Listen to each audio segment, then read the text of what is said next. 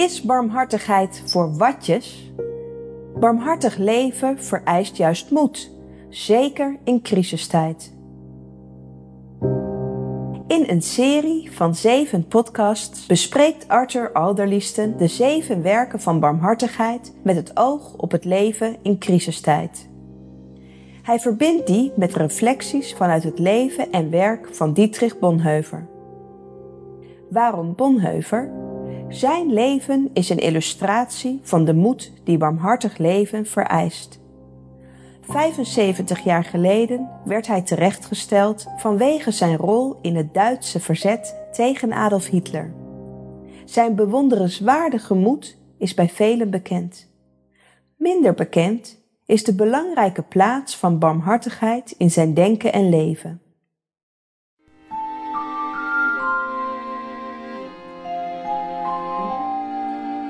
In deze serie podcasts over barmhartig leven in crisistijd ontlenen we daarom inspiratie aan de combinatie van moed en barmhartigheid in het leven van Dietrich Bonhoeffer.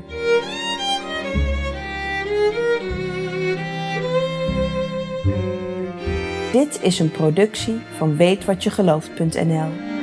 In deze podcast, aflevering 1, een introductie op de zeven werken van barmhartigheid en het moedige en barmhartige leven van Bonhoeffer. Hoe handelen we verantwoord in tijden van crisis? Als mens in relatie tot al die naasten om ons heen? Specifiek als christen, hoe nemen we onze verantwoordelijkheid? Wie is onze naaste om goed aan te doen? Nu niet als veel voorkomende vraag tijdens een Bijbelstudie, maar een opgave die zich vanuit een crisissituatie aan ons opdringt. Een crisis, zoals we nu doormaken met de coronapandemie, maakt veel los in de mens. Angst bijvoorbeeld. Voor je eigen gezondheid of die van geliefden. Voor je werk. Het bedrijf dat je met bloed, zweet en tranen hebt opgebouwd. Of angst voor schaarste. Het maakt ook mooie dingen los. Mensen die omzien naar anderen in quarantaine. Krijttekeningen op de stoepen van verpleeghuizen, politiebureaus en brandweerkazernes. Nationaal applaus voor zorgmedewerkers.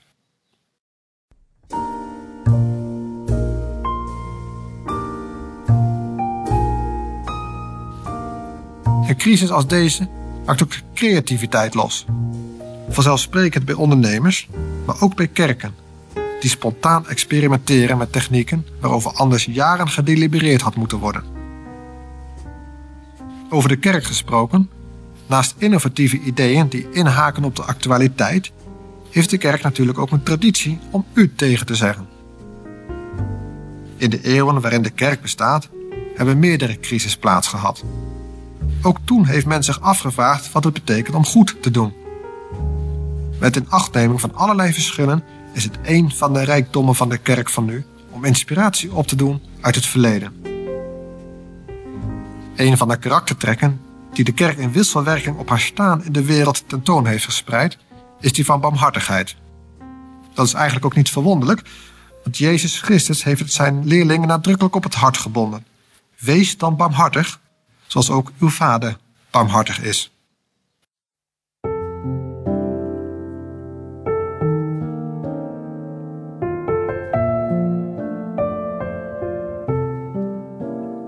Wat houdt een barmhartig leven in? En waarom is dat een antwoord op een wereld in crisis? In zeven podcasts denken we na over de werken van barmhartigheid, zoals Jezus Christus deze heeft benoemd in Matthäus 25, vers 35 en 36. Hongerigen eten geven, dorstigen drinken geven, naakten kleden, vreemdelingen herbergen, zieken bezoeken, gevangenen bezoeken. Na dit zestal voegde paus Innocentius III in 1207 toe de doden begraven. Zo ontstonden de bekende zeven lichamelijke werken van barmhartigheid, ook wel eens het hart van het katholicisme genoemd. Ze zijn overigens niet voorbehouden aan het rooms-katholicisme. Ze zijn katholiek in de oorspronkelijke betekenis van het woord, universeel christelijk. Zoals Jozef Ratzinger in de jaren 60 van de vorige eeuw schreef: In haar lijden en beminnen staat de kerk onafgebroken voor de velen voor iedereen in. In haar liefde en in haar leed overschrijdt ze alle grenzen en is ze werkelijk katholiek. Maar net als liefde wil barmhartigheid niet beschreven, ook niet alleen bezongen, maar vooral gedaan worden. Mededogen over nood en ellende, tranen over het lijden van anderen zijn niet het concluderende slotstuk van barmhartigheid, maar een aanmoedigende, motiverende start.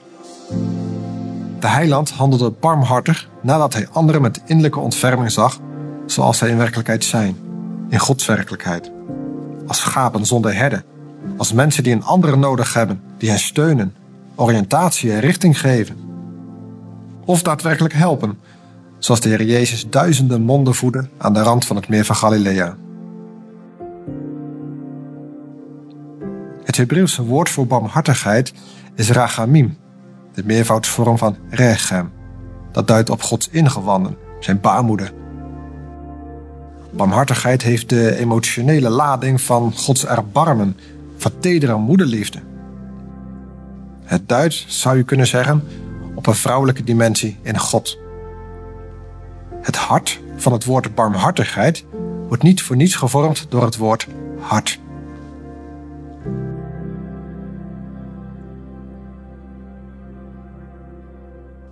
Bij de bespreking van deze zeven werken van barmhartigheid laten we ons inspireren door Dietrich Bonhoeffer. Vanwege zijn rol in het Duitse verzet is het nu, in 2020, 75 jaar geleden dat hij op persoonlijk bevel van Adolf Hitler werd opgehangen, slechts enkele weken voor het einde van de Tweede Wereldoorlog. Zijn geschreven werken en zijn bewogen en betekenisvolle leven is tot op de dag van vandaag een inspiratiebron voor vele christenen. Wie wat van zijn leven kent of in zijn werken leest, wordt aangemoedigd tot een christelijk leven van vroomheid, moed, verantwoordelijk handelen en van barmhartigheid. Dat laatste aspect uit zijn leven is wat minder bekend, maar juist voor een groot denker, een ethicus, een aristocraat, een universitair docent, is het geweldig om te zien hoe hij in barmhartigheid omziet naar de berooiden van de samenleving. Hij is er concreet voor hen in daad en woord. Zo leeft hij wat hij leert. Een man uit één stuk die doet wat hij zegt en zegt wat hij doet. Als hij schrijft dat de kerk pas kerk is als hij er is voor anderen, is Bonhoeffer er zelf ook voor de ander.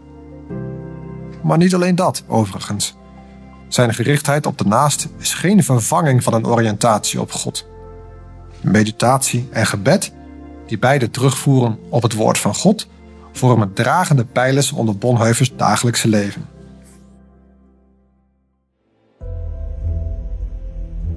We zouden kunnen zeggen dat Bonhoeffers leven continu onder spanning stond van crisis. De Eerste Wereldoorlog, de opkomst en verval van de Weimar-republiek met het juk van het verdrag van Versailles en natuurlijk de Tweede Wereldoorlog.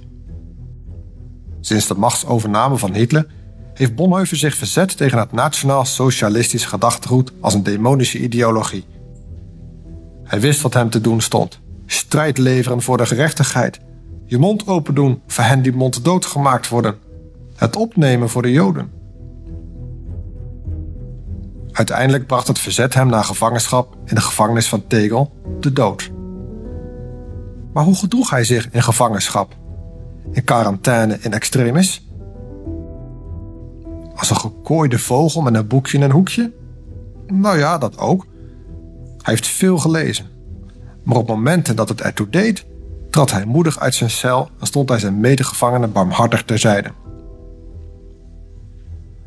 Op een dag wordt er in de cel tegenover die van Bonhoeffer iemand uitgemergeld en verwond door martelingen door de bewakers neergegooid. Men laat hem dagenlang in zijn eigen vel liggen. Tot Bonhoeffers ontzetting blijkt het zijn zwager Hans von Donanji te zijn. Hij kan niets voor hem doen. Totdat op een nacht het luchtalarm afgaat en de bommen dichtbij inslaan. In de ontstane verwarring ziet Bonhoeffer kans om een tijd lang op de uitgestorven gang bij zijn zwager te zijn en hem zo goed en kwaad als het gaat te verzorgen. Zo spreekt Bonhoeffer met zijn doodzieke zwager en leest met hem uit de Bijbel. Hij ziet zelfs in deze barre omstandigheden kans om met hem het avondmaal te vieren. Nog voor het heilige moment vraagt Hans: Denk jij dat wat we gedaan hebben juist was? Deze woorden vinden we terug in het gedicht Stadia op de weg naar de vrijheid, waar de vraag in Gods handen wordt gelegd. Alleen al uit deze geschiedenis blijkt dat een barmhartig leven in crisistijd ook moed vereist. Barmhartig leven is niet voor watjes. De komende podcast hopen we aan de hand van de werken van barmhartigheid en het leven van Dietrich Bonhoeffer hierover door te denken. Tot slot een gedeelte uit Bonhoeffers gedicht dat ik zojuist noemde, Stadia op de weg naar de vrijheid. Boven dit vers staat lijden. Wonderlijke metamorfose. Je sterke, bezige handen zijn gebonden. Machteloos en eenzaam zie je hoe er een einde komt aan je daden. Toch leef je op. Legt de vraag: wat is juist? Stil en getroost in een sterkere hand. Tevreden. Slechts één ogenblik raakte je aan het geluk van de vrijheid. Toen gaf je het over aan God, die haar groots zal voltooien.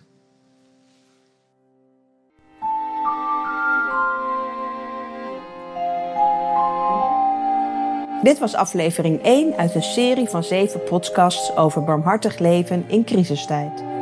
Meer weten? Bestel het boekje Barmhartig Leven. De zeven werken van barmhartigheid. Met reflecties vanuit het leven en werk van Dietrich Bonhoeffer, geschreven door Arthur Alderliesten en verschenen bij uitgeverij Buiten en Schipperheijn. www.weetwatjegelooft.nl slash barmhartig leven